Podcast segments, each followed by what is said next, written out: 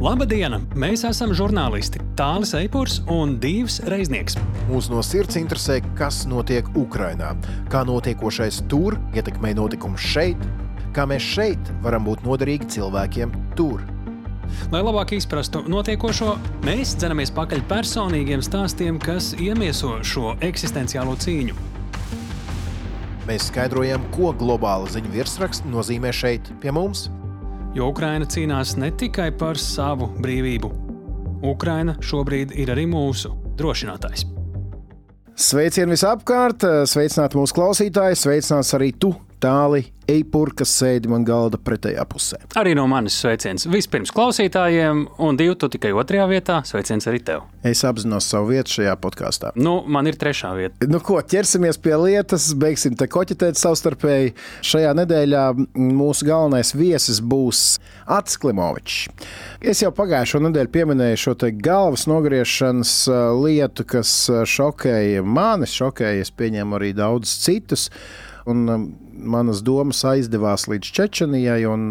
Čečenijas karš 90. gada pirmajā pusē, divi kari patiesībā. Tas bija tas laiks, kad es uh, tieši sāku studēt žurnālistos, un mums vajadzēja rakstīt kursa darbu vai interviju ar kādu esošo žurnālistu. Tad es atceros, ka es izvēlējos Atlimoviču, kurš bija tobrīd nu, pirmais, vienīgais slavenākais kara reportieris Latvijā. Un viņš pats tur bija daudz uz vietas, un pēc tam bijis daudzos citos karos. Man kaut kā ļoti gribējās ar Atu vēlreiz sarunāt, tikties, parunāt nedaudz, kā šīs Krievijas darbības šobrīd iegūst tādā vēsturiskā kontekstā.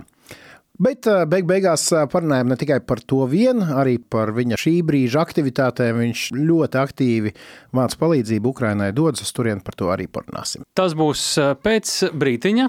Divs vēl arī izstāstīs vairāk par šo sarunu un pati sarunu, protams, bet šoreiz saruna būs nevis ar Kristīnu Bērziņu Vašingtonā, bet ar Kristīnu Bērziņu Viņā. Opa. Lūk, un mēs arī uzzināsim daļai, kāpēc. Viņa tiešām ir uh, iegriezusies uz brīdi Eiropā uz kādu ļoti svarīgu tikšanos, un viens no tematiem, par ko jūs dzirdēsiet, būs veltīts arī tai.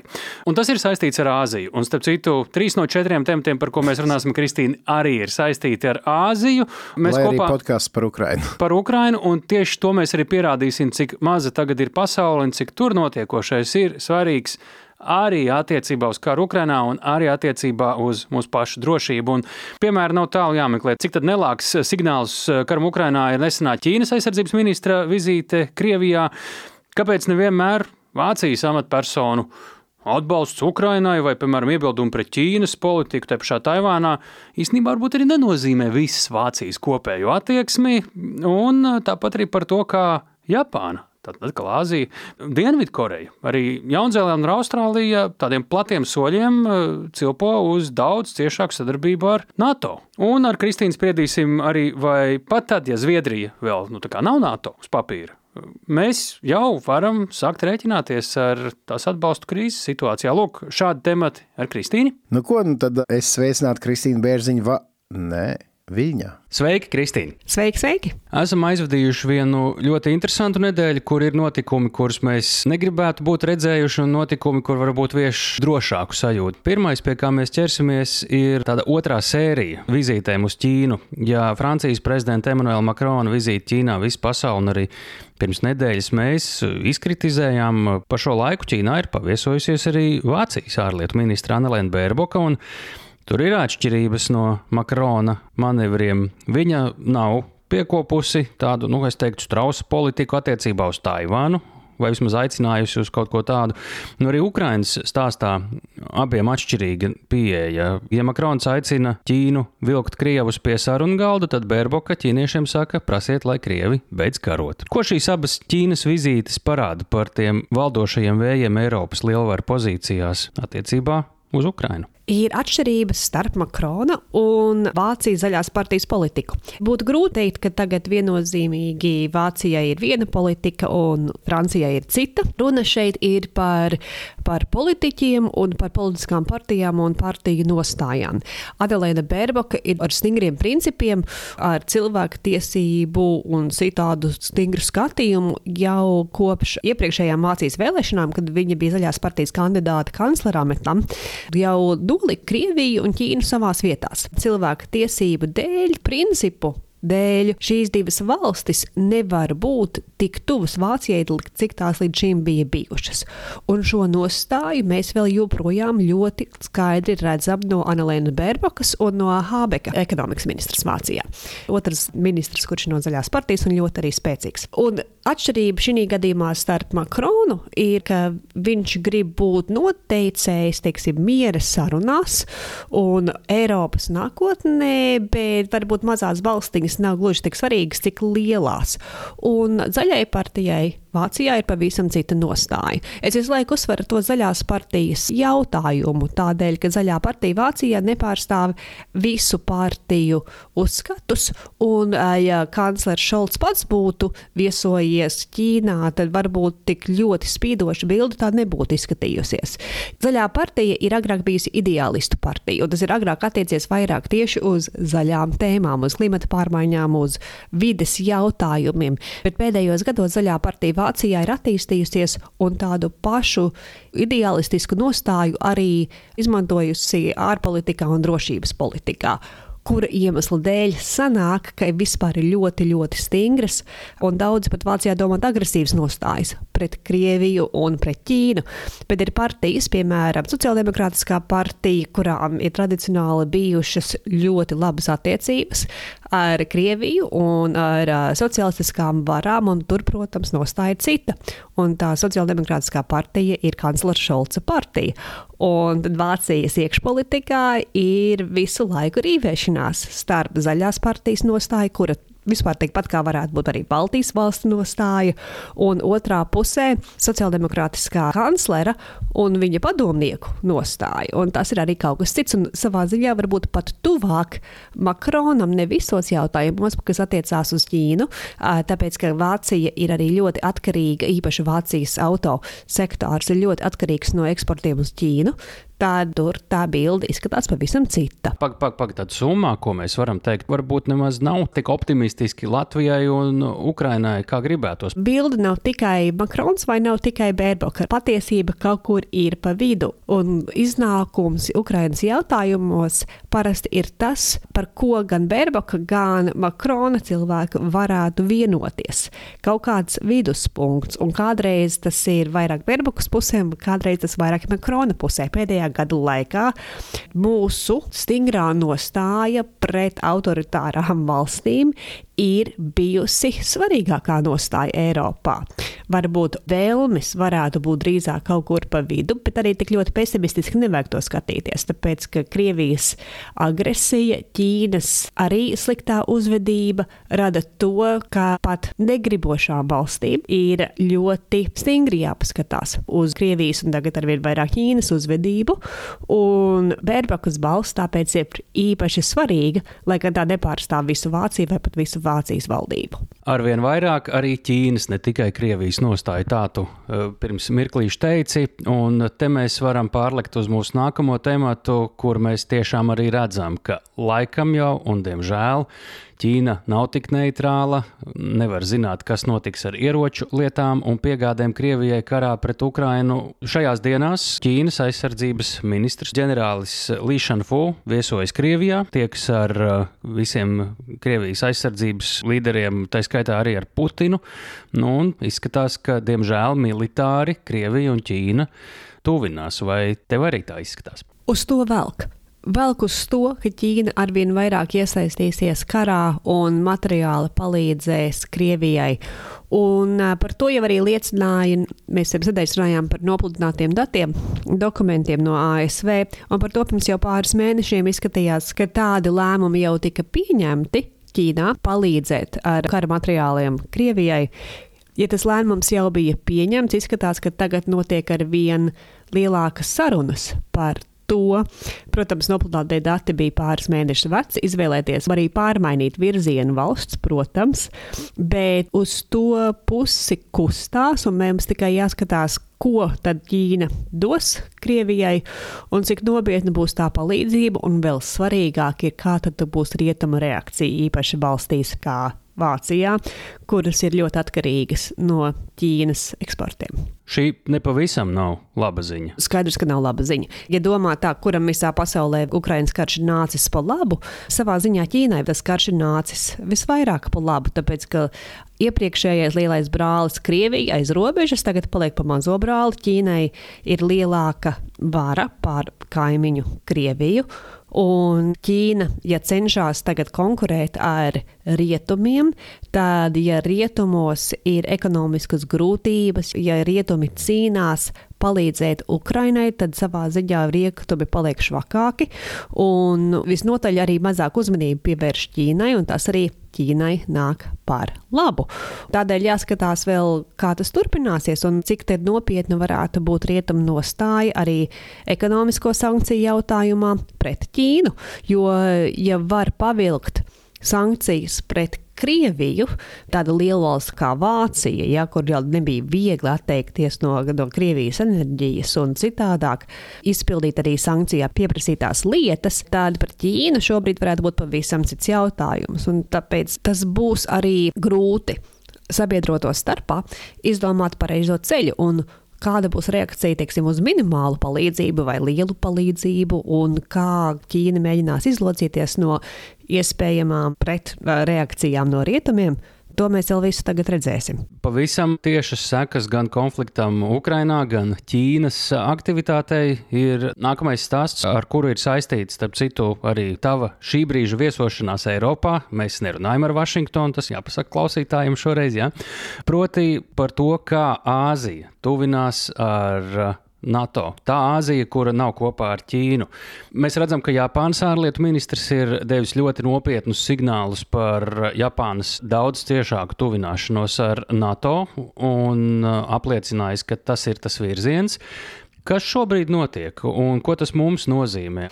Jāskatās pirmkārt uz Japānu. NATO ir sadarbība ar četrām Āzijas valstīm. Ir sadarbība ar Japānu, ar Dienvidkoreju, ar Jaunzēlandi un Austrāliju. Un ar četrām valstīm nevis kā blokam kopā, bet divpusējas NATO attiecības ar katru valsti. Un ar katru valsti ir drusku citādāks ceļš un nopietnība sadarbībā un draudzībā. Japānai, protams, ir ārkārtīgi liels interese sadarboties ar NATO drošības jautājumos. Ja Japānas valdošās personas ir viesojušās Ukrainā, ja Japāna uh, ir pieteikšana šobrīd G7 procesos saistībā arī ar Ukrainu, piemēram, par Ukrainas atjaunošanas jautājumiem, kamēr G7 vadībā ir Japāna, tad Japāna arī ir ārkārtīgi svarīga valsts šajos visos jautājumos. Tad Krievija, protams, arī ievēro to, ka Japāna, Krievijai arī kaimiņu valsts, uzvedās Krievijai nepārāk labvēlīgi šajos jautājumos. Un mēs redzējām, ka uzreiz pēc Japāņu vizītes Ukrainā notika pēkšņas mācības Krievijas flotē Klusajā okeānā, un uzreiz pēc tam arī Ķīnas aizsardzības ministrs viesojās Maskavā. Un varbūt liekas, ka Klusais okeāns un Ukraina tas ir kaut kas pavisam tālu, bet Ķīnai un Krievijai Japāna ir kaimiņu valsts, ar kuru ir ļoti sarežģītas drošības attiecības. Tādēļ arī Japāna skatās, kur tai pasaulē ir draugi. Un, protams, Eiropā, ASV, NATO valstīs Japānai ir lielākie draugi.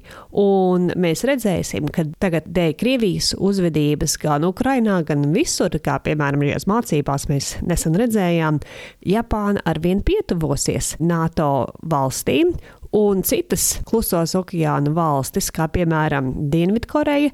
Iepriekš labas attiecības ar Japānu dēļ nu, vēsturiskās okupācijas, kad Japāna okupēja Dienvidkoreju Otrā pasaules kara laikā, tās nebija iespējamas, bet šobrīd drauds. Dienvidkorejai ir nevis no Japānas, bet no Ziemeļkorejas, no Ķīnas. Un, uh, jāskatās, kā tad šajā visā bildē Krievija arī spēlē. Un tāpēc varbūt šajā momentā ir vislielākā iespēja, ka Dienvidkoreja un Japāna varētu veidot tuvākas attiecības arī saistībā ar lielāku draudzību ar NATO. Un Austrālija, Jaunzēlande, šīs divas klusās okeāna valstis, ir ļoti satraukušās par Ķīnas ietekmi un var arī kaut ko mācīt NATO, jo NATO būs jāiemācās arvien vairāk, kā Ķīna uzvedās starptautiskajā telpā, un īpaši kā uzvedās drošības jautājumos. Un pieredze par šo ir ja gan Jaunzēlandē, gan Austrālijā. Un tāpēc es šonadēļ esmu Viļņā. Šeit notiek sarunas pirms Viļņas. NATO samita vasarā par to, kādas tad izskatītos tās tuvākās attiecības starp četrām klusā okeāna valstīm un NATO. Bet mēs pārvietojamies pie mums daudz tuvāk stāsta uz to, ka Zviedrijā ir notikušas, jāsaka tā, gandrīz vai bezprecedenta militārās mācības. Iepriekš tik liela apmēra mācības notikušas ir pirms apmēram 25 gadiem, un tas neizskatās ne pēc kādas sagadīšanās. Man šis liek jautāt, vai tad, ja notiek kāds apdraudējums, tā skaitā Latvijai, Zviedrija pat nesot joprojām NATO dalību valsts, nenostrādā kā NATO dalību valsts. Vai mums uz to varētu būt cerības, un ko vispār Zviedrija grib pateikt ar tik liela mēroga militārām mācībām. 26,000, ja nemaldos. Nu jā, tas nozīmē, ka mēs varam uzskatīt Zviedriju par tikpat kā NATO valsti. Un Zviedrija ar šīm mācībām saka, paga, paga. Mēs nemaz neesam tik ļoti ārpusē. Mēs jau tepat esam un mēs tulīt arī būsim. Un pat ja papīri visi nav sakārtoti, tas nenozīmē, ka mēs neesam stipra un uh, sabiedrota valsts Baltijas jūras telpā. Jo šeit ir svarīgi piebilst, ka tajās mācībās, ko es sākumā nepateicu, piedalījās vesela rinda ar NATO valstīm. Jā, un tas jau ir arī noticis iepriekš. Šis nav pirmais gadījums, kad nosacīti neitrālajā Zviedrijā agrāk ir piedalījušās NATO valstis nopietnās mācībās, un pat Gotlandē. Tas ir noticis tas pēdējos gados. Ar vien biežāk notiek šādas mācības. Protams, šīs ir ārkārtīgi lielas mācības. Un tāpēc mums nevajag uzskatīt Zviedriju par kaut kādu Šveices, Baltijas jūras reģionā, bet tikai vēl topošu vai jau gandrīz NATO valsts. Tas nozīmē, ka kaut kas nopietnas notiek. Tad var rēķināties ar to, ka Zviedrija piedalīsies un palīdzēs pārējām reģiona valstīm, nevis ka Zviedrija tagad sēdēs aiz sava ne-NATO mūra un gaidīs. Un tas ir ārkārtīgi svarīgi Latvijas drošībai, reģionālajai drošībai, un arī tas stiprs signāls, ko sūtīt Krievijai par to, ka nu, varbūt papīri visi vēl nav līdz galam sakārtoti, bet faktiski Zviedrija jau ir NATO pusē un NATO var uz Zviedriju paļauties. Mēs sakām, Kristīne, tev lielu paldies par ekspertīzi. Šoreiz ne sarunā ar Vašingtonu, lai viņā labs laiks Latvijā ieraksta brīdī tas tāds ir un tādu arī sola. Un, lai arī izdodas vienoties par klusā okeāna reģionu valstu daudz ciešāku sadarbošanos ar NATO, jo tā ir arī izrādās mūsu drošība. Paldies tev! Paldies! Visu labu! Paldies Kristīnai Viļņā, paldies Tālim Rīgā. Viena interesanta lieta ir forši, ja kļūst skaidrs šīs nianses, vai ne, ka Vācijā tomēr liels lomu spēlē tas, pie kādas partijas tu piedari, tas, kas tu pa personību esi. Ja mēs šeit pieminējām zaļās partijas ministri, tad vēl viena interesanta personība ir jaunais aizsardzības, nu, nosacīt jaunais aizsardzības ministrs Pistorijus, kurš ir no tās pašas Šolts partijas, un pirms tam viņiem gāja ar iepriekšējo ministru, kur atkāpās, gāja galīgi traki, nu, ļoti viss ilgi vilkās. Tad, piemēram, tagad jāatzīmē, ka Polija vēloties Ukrainai atdot savu smigu iznīcinātāju lidmašīnas, kuras bija no Austrumvācijas, kuras bija oriģināli jāražotas Austrumvācijai, tad Vācija viņas pārņēma, pārdeva poļiem, un poļiem tagad viņas vairāk nevajag. Viņi gatavi dot Ukrainai. Ar iepriekšējo ministru tas būtu gājis mēnešiem. Nu, vismaz tāda pieredze bija. Jā, tā vismaz bija. Šobrīd tas notika dažu stundu laikā. Vai mēs Vācijas varam? Ah, aizsardzības ministrs deva akceptu un vispār bez nekādām bremzēm. Tā kā jā, tur arī jādod gods un cieņa personību lomai. Savukārt, es gribu divas ātrās ziņas, kas raksturo to atmosfēru šobrīd Krievijā. Mēs daudz par Krieviju nerunājam, un lai tā arī ir, bet uh, laiku pa laikam ir vērts redzēt, kāda procesa notiekās tur. Un te tādā ļoti sadzīviskā līmenī, burtiski pēdējās dienas laikā, divas gandrīz identiskas ziņas, un tādas, ka tu vienkārši saķer galvu, par ko šajās dienās Krievijā var saņemt sodu gandrīz 500 eiro apmērā, jo tu esi diskreditējis armiju. Gadījums numur viens. 70-gadīga krievu pensionāri atpūtās sanatorijā Naļčikas pilsētā un kādā sarunā ar savu paziņu pateica, ka nu, Ukraiņas prezidents Zelenskis patiesībā tāds skaists un e, jauns cilvēks, esot ar labu humoru izjūtu, par kuru jokiem agrāk smējās visi. Bet kāds pie blakus galdiņa to dzirdēja, piezvanīja policijai, atbrauc policija.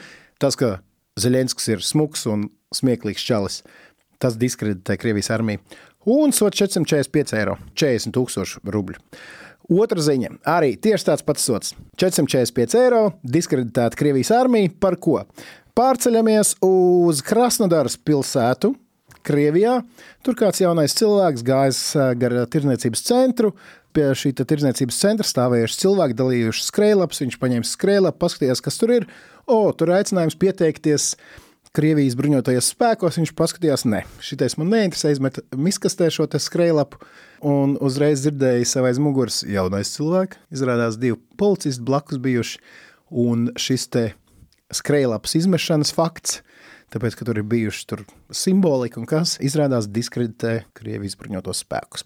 Lūk, tāda tā realitāte mūsu austrumu kaimiņos. Nu jā, un kas man liekas traģiskākais tajā visā ir, ka ir ļoti uzmanīgi mājās par to jārunā, diemžēl. Jo tur ir bērni, un bērni to visu nes tālāk. Ir bijuši Krievijā gadījumi, kad tieši caur viņiem tiek uzzināti vecāku viedokļi, un atkal Krievijas armija ir diskreditēta. Tas to situāciju padara pavisam pelēku. U, jā, un ir arī otrādi, kad skolā skolotājs mēģina runāt ar saviem audzēkņiem tā atklātāk un tiešām saka, ko domā. Ir audzēkņi, kas vienkārši nu, pasaka vai nu citiem skolotājiem vai mājās, un pēc tam dabūna šīs skolotājas iekšās. Bet eh, vai tas ir kaut kas jauns Krievijā? Šī ir tēma, tātad, ap kuru mēs sāksim mūsu šīs dienas galveno sarunu ar žurnālistu Ati Klimoviču par to, kāda ir Krievija un vai tās militāristu zvērības Ukrainā arī nav vienkārši turpinājums kaut kam, kas jau ir redzēts gadiem un daudzās citās vietās un citos konfliktos. Tiem, kur nezina, Atšķiet eh, bija pirmais mūsu laika kara reportieris Latvijā. Viņš bija visos iespējamos karstajos punktos. Ja kāds krievu spēku pastrādātās eh, zvērības var ielikt kaut kādā vēsturiskā kontekstā, tad tas ir viņš. Pierreiz jāsaka, ka Atis eh, šobrīd raksta Latvijas avīzei un uz Ukrajinu palīdzēt braucis ne tikai pēdējā gada laikā, bet jau kopš 2014. gada. Nu, jāsaka tā, pret Atlimoviču izdzirdot viņa vārdu, man vienmēr ir bijusi liela cieņa tieši par to, gan cik godīgi viņš stāsta par lietām, kā viņš neslēpj lietas, cik viņš neslēpjas no patiesības un neslēpj patiesību. To, ko viņš redz, to viņš arī stāsta. Viņš ir tāds Latvijas žurnālistikas etalons, to es pavisam droši pateikt, un ir ļoti liels gods viņu satikt mūsu raidierakstā. Nu, ko klausamies? Sveiks, Ati! Uh, sveiks, Divi! Klau, kur tu šobrīd atrodies, ja drīkst atklāt? Drīkst atklāt. Esmu Harkivā šobrīd. Vakarā, vakarā pašā iebraucām Harkivā, pārnešņojām. Vakarā bija gaisa trauksme, tagad arī bija gaisa trauksme. Tā kā šeit viss ir kārtībā. Ar kādu mērķi ieradies Harkivā? Harkiv šobrīd ir tranzīta punkts, jo dosimies tālāk uz Donbasu, lai aizvestu palīdzību gan karavīriem, gan civiliedzīvotājiem. Es zinu, ka tu uh, kopš 24. februāra esi bijis, uh, ja nemaldos, 11 reizes Ukrajinā. Par to mēs parunāsim pēc uh, neliela brīža. Es gribētu sākt mūsu sarunu nedaudz no citas puses. Nu, man tu vienmēr esi asociējies ar kara reportieri. Šķiet, pirmais celmlauzs šīs profesijas Latvijā. Tu esi bijis eh, gan eh, abos Čečenijas karos, gan eh, Afganistānā, gan Irākā, gan Sīrijā, ko es vēl esmu piemirsis. Dienvidslāvija, bijusī Serbija, kur vēl? Vai es visu uzskaitīju? Eģiptē revolūcijas laikā, Lībijā pēc tam nu, Taģikistāna, bet būtībā jā, nu, Kaukās, arī Dienvidu Kaukās, Armēnija, Gruzija, Azerbaidžāna. Tā tava īpašā interese. Ja es pareizi atceros, tu varētu būt arī viens no pirmajiem Latvijas cilvēkiem, kurš iekļuva to cilvēku sarakstā, kam Krievija aizliegusi iebraukšanu pie sevis. Ne? Nu jā, es domāju, ka Latvijas mēdījiem tas dara godu, jo tāpēc, no daudzām valstīm žurnālistiem, kas ir strādājuši Krievijā, Maskava liedza iebraukšanu. Nu, šādi novērtējot mūsu skatījumā, pozitīvi novērtējot mūsu darbu. Un, nu, jā, nu, tad kopš 99. gada es nevaru iebraukt Krievijā, un nevaru iebraukt arī Baltkrievijā un daudzās citās sadraudzīgas pilsētās. Valstīs. Jā. Klau kopš 24. februāra klajā nākusi neviena liecība par krievu iebrucēju pastrādātajām zvērībām, sākot ar buču, irpiņu, beidzot ar uh, svaigāko no gadījumiem, kas šokēja nevienu vien, galvas nogriešanu kara gūsteknim. Izejot no savas pieredzes, kā tu vērtē, tas vienkārši turpina šo te krievu nežēlības tradīciju, kas redzam cauri gadiem vai varbūt tu redz kaut ko jaunu, kaut kas ir mainījies? Es gribētu teikt, ka es, es neredzu, neredzu neko īpaši jaunu. Un, man liekas, ka tas tikai apstiprina politologu vai analītiķu vērtējumu, ka Krievija šobrīd uzvedas kā īstenis terorists. Jo, ja mēs atceramies Irāku vai, vai arī Afganistānu, tad galvas atdalīšana no cilvēka ķermeņa. Tas ir tāds teroristu roku raksts un paraksts. Tā, tā viņi dara. Un uh, galvas nogrāšana būtībā nav nekas jauns, jo tas acīm redzam bija arī Krievijas uh, spēcdienestu provokācija, jo šķiet nemaldos pēc Pirmā Čečenijas kara beigām, kad bija faktiski uzvarējusi neatkarīgā Čečenija, sākās uh, ārzemnieku laupīšanas, un manuprāt arī bija tā, ka bija nolaupīti četri uh, rietumu inženieri, ja nemaldos, bet tu vari precizēt. Un, Un šķiet, ka tur arī bija kaut kas tik nežēlīgs pastrādāts. Uh, vēsturnieki noteikti neļaus man samaloties un teiks, ka tā ir gadsimtos ilga apstiprināta praksa, ka visur, kur iet Krievija, tur ir izvarošanas, nogalināšanas, pārkrievošanas, cilvēku aizvešanas un atlikušo padarīšana par vergiem. Ja? Tā kā Tas iet roku rokā. Šobrīd Ukrainā tas ir labi redzams, ka ir izvarošanas pirms dažām dienām. Burtiski es biju Černihivas apgabalā un vienā no viņu pašvaldībām. Mēs runājam ar trīs pašvaldības vadītājiem, un viņi apstiprināja, ka vienā no šīs pašvaldības ciematiem ir bijuši 40 izvarošanas gadījumi, Tad savukārt pats pašvaldības vadītājs apmeklējot, kad jau krievu okupanti bija atstājuši tos ciematus, kuros viņi bija, un ieejot ciemu vadītāja kabinetā, viņš novēroja šādu ainu. Proti, istabas stūrī vai kabineta stūrī bija gulējis krievu karavīrs uz paklājiņa, bet uh, savu toaleti viņš bija iekārtojis otrā stūrī pretī. Ja? Tā kā uh, nu, patiesībā nav jābūt pārsteigtiem ne par ko un vienkārši jāzina, jāsaprot, ar, ar ko ir darīšana. Tev nepārņem kaut kādas dežavu sajūtas? Es pats esmu redzējis arī Čečenijā, ka konkrēts gadījums 95. gada pavasaris, tie bija nogalināti čečenu kaujinieki, seši vai septiņi. Viņi gulēja nelielā mošajā uz akmeņainas grīdas, un visiem bija izdurtas acis. Tas bija tas, ko es redzēju. Un, nu, tad, lai katrs jau spriež pats, kā to vērtēt. Starp citu, ir izaugusi vesela paudze, kas varbūt par Čečenijas karu neko daudz nezina. Ja tev īsi būtu jāapraksta to, kāpēc mēs vispār šobrīd runājam par Čečeniju, uh, tu tur biji uz vietas, abas karus redzēji. Ko tu pateiktu mūsu jaunākajiem klausītājiem, kuri par to Čečeniju neko daudz nezina un nesaprot, varbūt, kāpēc es to pieminu šobrīd Ukraiņas kontekstā? Tā kā mēs nekur nevaram likties, mums jādzīvot līdzās ar uh, milzu agresīvo kaimiņu, tad, protams, ka vērts būtu ieskatīties uh, vēstures grāmatā un iepazīties kaut nedaudz pat, pat virspusē ar Krievijas vēsturi. No tā varētu uzzināt par to, kāda ir arī Kaukāza vēsture un kā Kaukās un arī Kaukās tautas, tā skaitā Čečeni, ir tikuši iekaroti, kā viņi cīnījušies un varētu uzzināt arī visu, visu tālāko.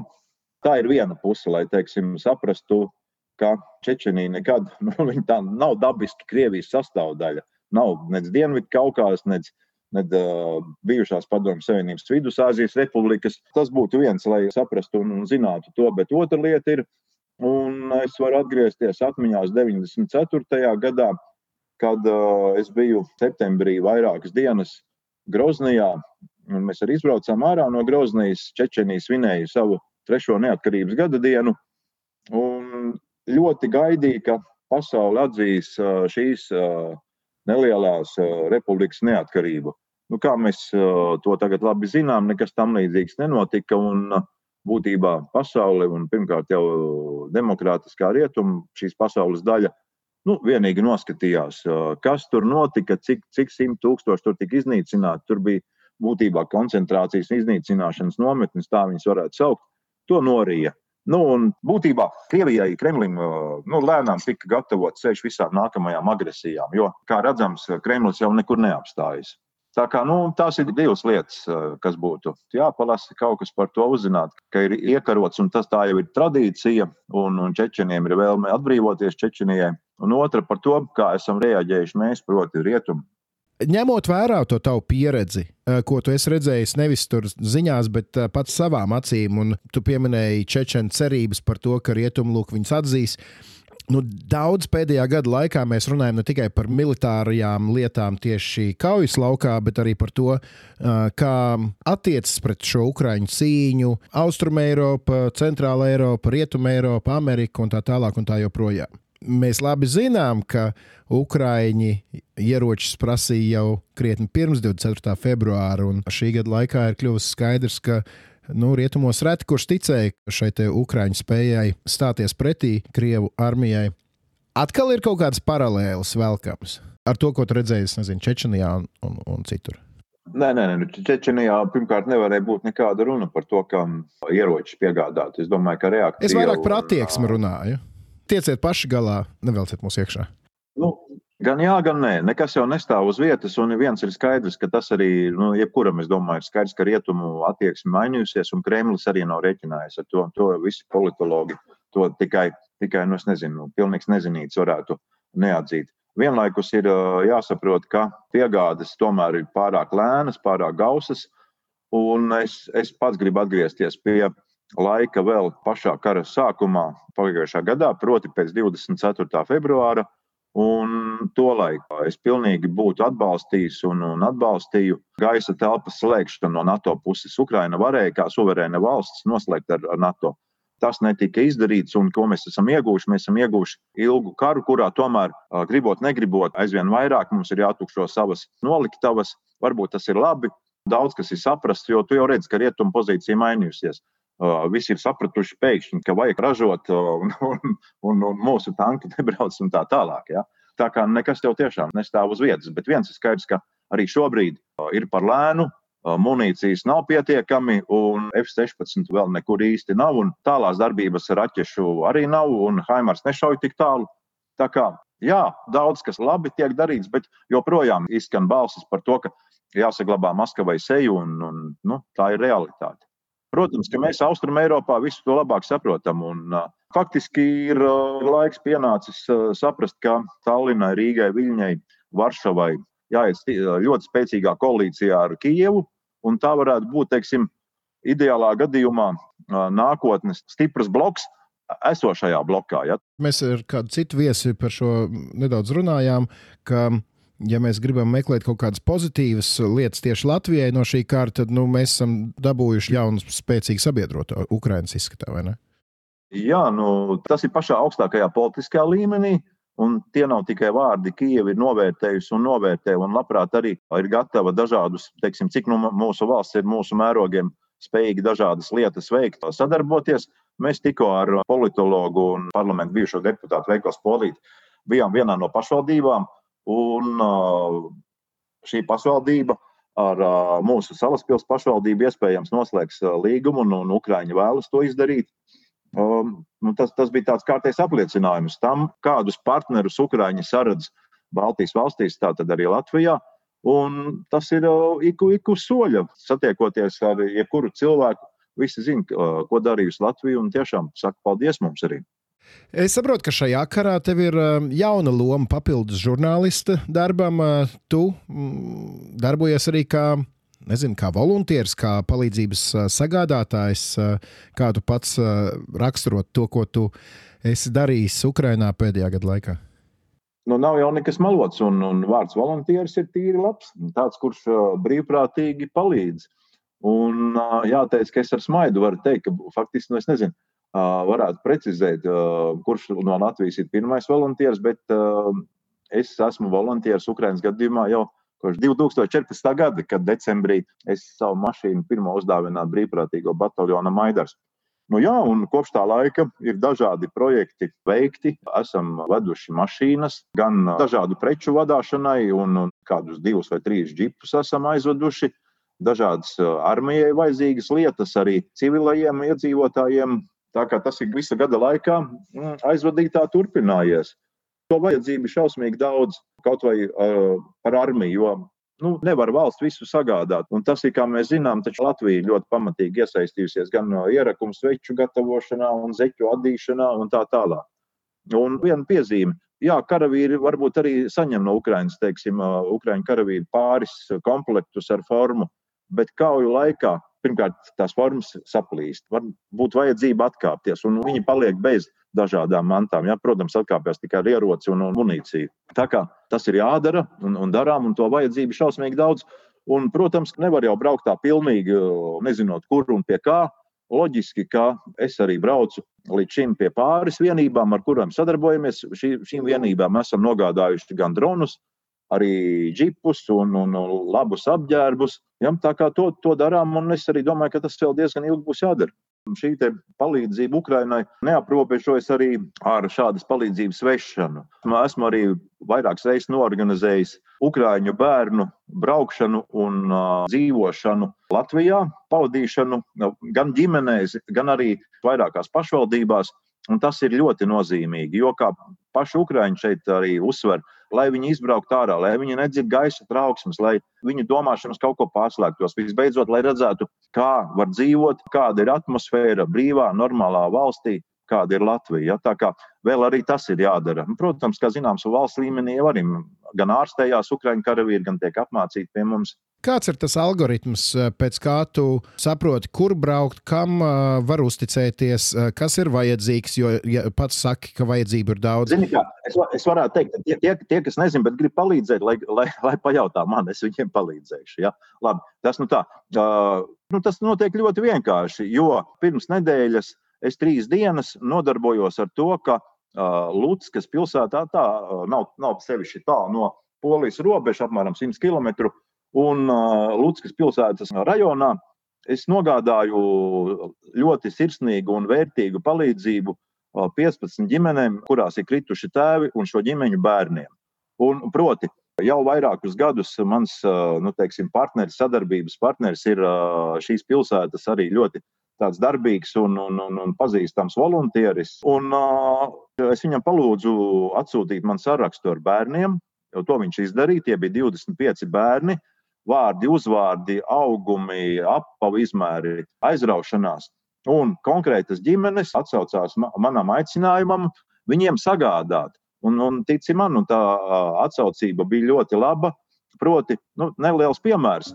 Diviem zēniem, vienam 13, vienam 16 gadi, tika iegādāti datori. Uh, diviem brālīšiem, 8 un 9, 10 gadus veciem, kas gribēja divriteni, Es aizvedu divriteni, visām mamām arī, vēl, arī aploksnīties, kurās bija nu, tik sirsnīgi. Viņas nespēja to bez asarām atvērt un izlasīt, jo visas tās bija kartiņas ar uh, ukraiņiski rakstītu apsveikumu un, un uh, atbalstu. Un plus vēl arī tajās bija ielikta naudiņa. Šādā veidā, protams, mēs jau nebraucam uz dūlu, un tā neviens vēl sen vairs nedara. Es domāju, ka valst, valstīm ir jādod nauda kaut kur tā uz dūlu, un arī, arī privāti. Jā. Bet tu redz, ka ir vieta šajos Ukraiņas palīdzēšanas centienos arī šādiem maziem aktīvistiem. Es saprotu, ka tev tā ir privāta iniciatīva kopā ar draugiem, dombiedriem. Jūs neesat uh, milzīgs palīdzības fonds. Ne, nu, protams, ka ir vieta, tāpēc ka neviena organizācija nevar nosegt uh, visu. Ja, teiksim, tā kā, nu, nu iedomājies, ka tev būtu Latvijā jāapzina visas daudz bērnu ģimenes un, un, un jāpalīdz. Ja, nu, kurš, kurš to var izdarīt? Nu, To neviena organizācija nevar izdarīt. Un Ukrainā ir līdzīgi tāpat, jo, ja jau tas viss būtu, tad jau šis man, mans partneris Ukrainā teikt, zini, nu, mums te viss ir kārtībā. Gluži otrādi. Viņš teica, ka būtu labi, ja varētu bērnus, pie tam nav obligāti vasarā, uz, uz kādu nometni Latvijā vai arī norganizēt. Protams, mēs to varam un norganizēsim. Mēs dzīvojam brīvā valstī, mēs varam darīt to, ko mēs gribam. Un Un šādi mēs arī Latvijas vārdu ja, nu, ar smaidu varam teikt, to nesam pasaulē un darām. Un tas ir, tas ir vajadzīgs. Nu, jo valsts spējas nekad nav tādas. Un, un brīvā valstī brīvi pilsoņi dara to, ko, uz, ko uzskata par vajadzīgu. Bet nu, Ukrainā mēs redzam, ka ir vajadzīga šī privātā iniciatīva paralēli es nezinu, or, organizētājam darbam. Tagad tu man teici, ka tu nu patās biji Lutskā, jā, es paskatījos kartē, tas ir it kā tajā drošajā Ukrainas galā. Ja mēs tā nosacīti runājam, to, ko paši arī Ukraiņi saka, jā, šie austrumi tur ir fronte, rietumu daļa ir krietni mierīgāka, protams, visai nosacīti, ja ņemam vērā, ka jebkurā brīdī var atlidot kāda spārnotā raķete, bet tas, ko tu pieminēji par ģimenēm, kuras ir zaudējušas tēvus tieši karā, tas nu gan attiecas uz pilnīgi visu Ukraiņas teritoriju, vai ne? Nu, neapšaubāmi, jo esmu diezgan daudz kilometru arī šajā braucienā nobraucis. Un, braucot arī pat nokļūstot nelielos ciematiņos, braucot cauri tādās nelielās lauku kapsētās, ļoti daudzās var redzēt Ukraiņas karogu. Tā apzīmē vietu, kur ir apglabāts karā kritušais. Un jāteic, ka ļoti daudzās kapsētās par lielākām apdzīvotām vietām vai pilsētām vispār nerunāsim. Tur uh, šo karogu skaits uh, ir diezgan liels un palielinājies beidzamā gada laikā. Bet pat uh, ļoti mazās kapsētiņās braucam, braucam, pēkšņi viens vai divi karogi ir. Tas, tas ir, protams, visā teritorijā. Kā vispār ir ar to palīdzību, ko šādas ģimenes saņem no Ukrainas, no valsts, vai viņi tomēr ir ļoti atkarīgi no tādas palīdzības, kā, nu, piemēram, tu viņiem atvedi? Es gribētu teikt, tā, ka ņemot vērā pirmkārt Ukrāņu birokrātiju, kara apstākļus, valsts iespējas, arī korupciju, šīs lietas nevirzās tik ātri. Un arī, piemēram, runājot ar sievietēm, kuras zaudējušas vīrus, tad ir jāklausās man ierakstītās intervijas, bet tādas arī, kuru vīri krituši, piemēram, pagājušā gada vasarā, vēl lāga neko nebija saņēmušas. Ja? Tas, tas ir ļoti ilgi un piņķerīgi, un, protams, ir viņām jāraksta visi vajadzīgie iesniegumi. Tā kārtība ir tāda, ka līdz uh, 18 gadu vecumam šķiet bērni, kas palikuši bez tēviem, saņem zināmu summu, un arī māte šķiet līdz, kamēr bērniem laikam ir 8 gadi, arī vēl saņem. Ja? Un arī vecākiem tiek izmaksāta. Ja? Bet tas Tas, protams, nenotiek tik ātri, un, un arī par to bieži vien ir jācīnās un jāpatērē spēki un laiks. Un, un, un, protams, zinot to visu, nu, mēs redzējām, ka, jā, ka palīdzība ir vajadzīga, bet es arī vienlaikus gribu teikt, kas bija diezgan pārsteidzoši, ka atrodoties runājot ar šādām ģimenēm, ar, arī ar cilvēkiem provincē, kuri nebūtu nav tādi nu, izcili turīgi, neviens nesūdzējās par dzīves grūtībām. Jā, visur arī šajās ģimenēs, kur mēs tikām uzņemti, mēs tika tik laipni gan piedāvāti pacienāts un par kafiju un tēju vispār nerunāsim. Un projām braucot, vai jūs negribētu arī kādus konservus, un tur uh, marinātas sēnītes un tā tālāk. Ja? Tā kā, bet uh, tas bija pārsteidzoši, ka provincē nu, neviens nesūdzās, saprot, par ko ir runa.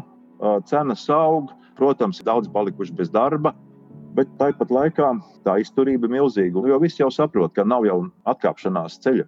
Bet saki, kāpēc tu pats esi šī gada laikā bijis Ukrajinā 11 reizes, um, nevis tikai nodarbojoties ar savu pamatdarbu, ar, ar žurnālistiku, bet uh, vedot, palīdzot, aicinot citus palīdzēt.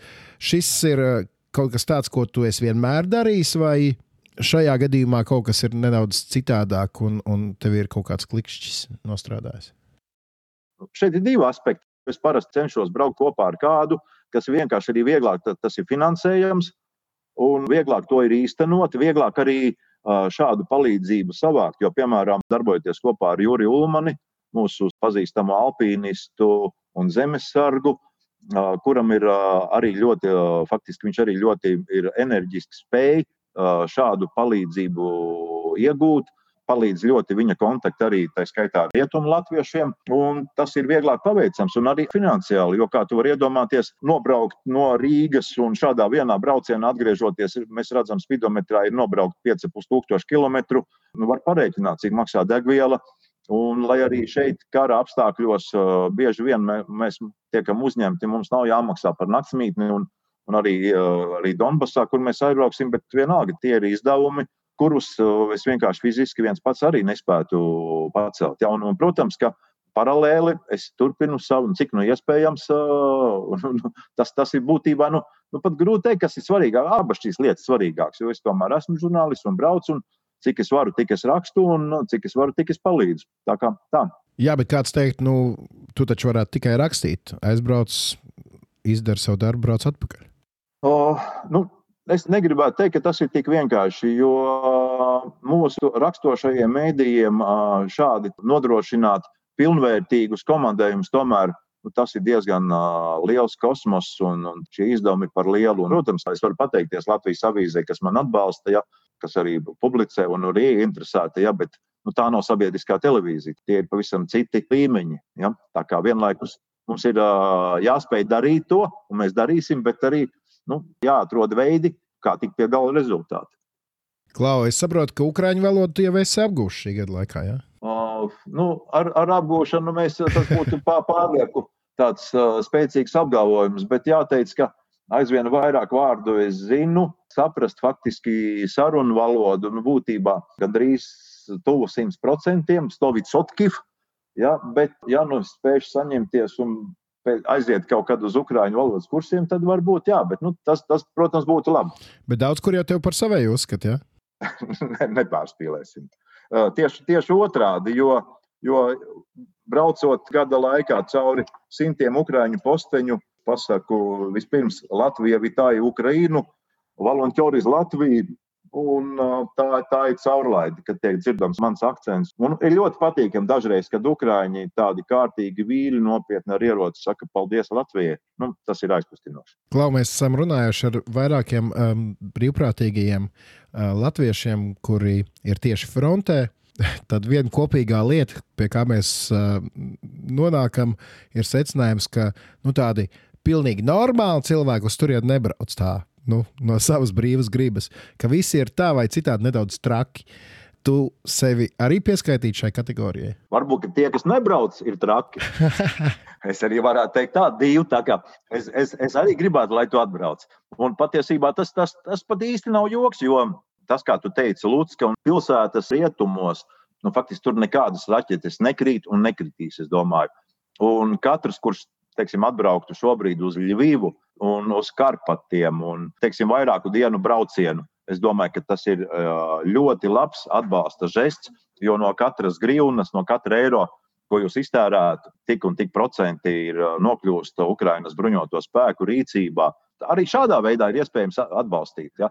Vienīgā problēma ir tāda, ka galvas sāpes sagādā izbraukšana, proti, uz robežas, braucot ārā no Ukrainas un, lai nokļūtu Polijā, ir jāpavada uz robežas vairākas stundas. Ja, nu, beidzamās reizes esmu gaidījis nu, ne tik daudz, kā citi var būt, bet tomēr tās bija gan nepilnas sešas, vēl vienā iepriekšējā reizē septiņas stundas. Tur jābruņojas ar pacietību. Ja, bet, nu, tas ir vienīgās grūtības būtībā. Mēs, starp citu, pirms divām epizodēm tieši runājām ar vienu ukrāņu turisma cilvēku, kur patiesībā teica, ja jūs nezināt, ka karš notiek Ukrajinā, Kijivā, varbūt to pat nevarētu redzēt, un Ļuviva, kura kara pirmajā pusgadā bija vienkārši pārapdzīvota no iekšējās migrācijas, tur arī esot situācija normalizējusies un, un aicināja uh, latviešus varbūt apsvērt tos drosmīgākos šajā vasarā, varbūt tiešām pavadīt kādu uh, nedēļas nogali vai nedēļu Ukrainas kaut kādās daļās, kuras paši uh, jūt, ka nu, ir tā cerība, ticība, ka varētu būt droši. Uh, Klau, nu tu pats uh, šobrīd esi Ukrainā, 11. brauciens, vai jau plāno 12. vai tu ļaujies kaut kādai plūsmai, tad, kad ir sakrāta kaut kāda palīdzība, tad tu brauc vai tu jau zini savu nākamā brauciena mērķi un vari jau varbūt tagad mūsu klausītājiem pateikt, ko tad tu cerētu aizvest nākamo reizi, un uh, jā, kā, kā tas notiekās? Nākamais brauciens ir ieskicēts. Es ceru, ka viss tā notiks. Iespējams, tā varētu būt maija otra puse. Mēs noteikti arī vedīsim. Un šobrīd mēs vienkārši vēlamies saprast, jo es esmu apjautājies vien, vienai no vienībām, ar kurām sadarbojos, ko šī vienība gribētu daudz labprātāk saņemt. Vai džipu, proti, apvidus mašīnu, kvadrciklu vai arī dronu, labu dronu. Un tad, kad viņi nu, man pateiks, ko viņi no šī izvēlētos, šī lieta tiks iegādāta. Jo man apjautājās mans paziņa uzņēmējs, ka viņš kopā ar uh, citu uzņēmēju labprāt to darītu. Un uh, arī vēl dažādas armijas lietas, arī tās pašas formas. Un acīm redzot, vēl kaut ko, ko nu to, to brīdi, kas būs aktuāli, Bet aktuāli daudz, kas karavīriem pat arī ir vajadzīgi saldumi. Jo um, iepriekšējā brauciena laikā, kad es apjautājos uh, karavīram, uh, jo man bija no skrīveru saldumiem, bija uh, ļoti labas tādas nelielas, nelielas šokolādītes. Un es teicu, vai vajag? Viņš teica, jā, jā vajag, vajag. No acīm redzot, nu, tā ir vajadzīga lieta, tādas nelielas šokolādītes. Ja? Tā kā jā, ir, ir ieskicēts. Es ceru, ka tas tā arī notiks un veidīsim kārtējo palīdzību. Ja mūsu klausītāji tevi ir tagad dzirdējuši un zina, Jā, Acis Klimovičs, goda vīrs, aizvedīs tur, kur pateica, ka aizvedīs, izdarīs to, ko pateica, ka izdarīs. Ja viņi gribētu dot savu artavu, dot savu artavu kādā no taviem nākamajiem braucieniem, um, tad kā, kā viņiem būtu vislabāk jārīkojas? Sekot tev Facebook vai, vai, vai ko tu ieteiktu? Nu, var, varbūt tas būtu Facebook, bet varbūt tad es varētu sazināties ar tevi un tad mēs kopīgi vērstos ar šādu aicinājumu. Bet, protams, paldies par atsaucību iespējamo. Mēs parasti vienu tādu ļoti garlaicīgu jautājumu visiem uzdodam, bet svarīgu. Ko tev novēlēt personīgi? Izaugsmi, radošus panākumus. Brīnišķīgi, brīnišķīgi. Labi, liels paldies, Ati! Tev tāpat arī radošs panākums. Paldies! Paldies! Slava Ukraiņai, slava Latvijai! Paldies, Dievu! Paldies Atim Klimovičam! Ļoti daudz tādu vērtīgu lielo un vērtīgu mazo lietiņu. Protams, vēstījums par to, ka Krievija ir un paliek daudzu gadu garumā, ne tikai pēdējo, piemēram, gadu, īsta teroristu valsts. Tur Atim Klimovičam, un es domāju, tagad arī visiem, kur noklausījās, par to nav šobrīd nekādu šaubu. Nu, un, protams, tagad vasara nāk uz savu atbildību, protams, apdomīgi, bet es ieteiktu ieklausīties tajā aicinājumā, kurš mūsu raidierakstā izskan ne pirmo reizi uz Ukrainu. Uz tās rietumiem jau īpaši braukt, varbūt pat ir krietni labāka doma nekā jums šķiet. Bet tikai tad, ja jūs psiholoģiski esat tam gatavi. Un, nu, e, e, es zinu, ka tu pats cierē uz to pusi.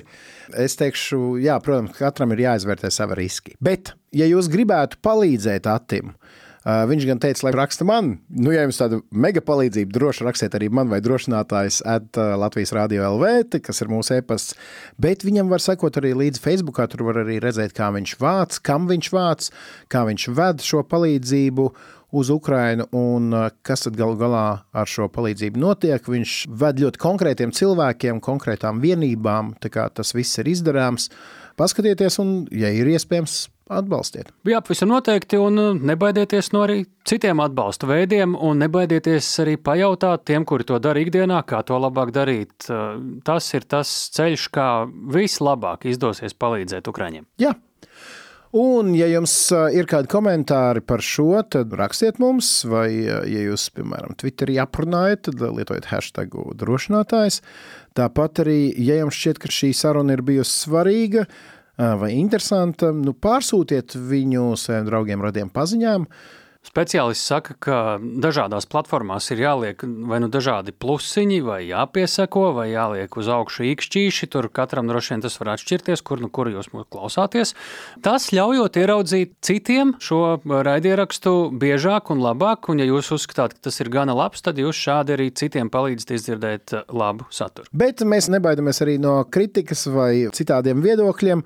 Rakstiet mums, mēs izlasīsim un kaut kā tā vai citādi reaģēsim. Pavisam Pavisam noteikti, un to mēs esam darījuši, un tie, kuri mums ir rakstījuši, to ļoti labi arī nākamajās epizodēs ir dzirdējuši. Un pavisam svarīga lieta, kas jāpasaka, atcerieties, ka drošinātājs skaidri un arī personīgi par karu Ukrainā.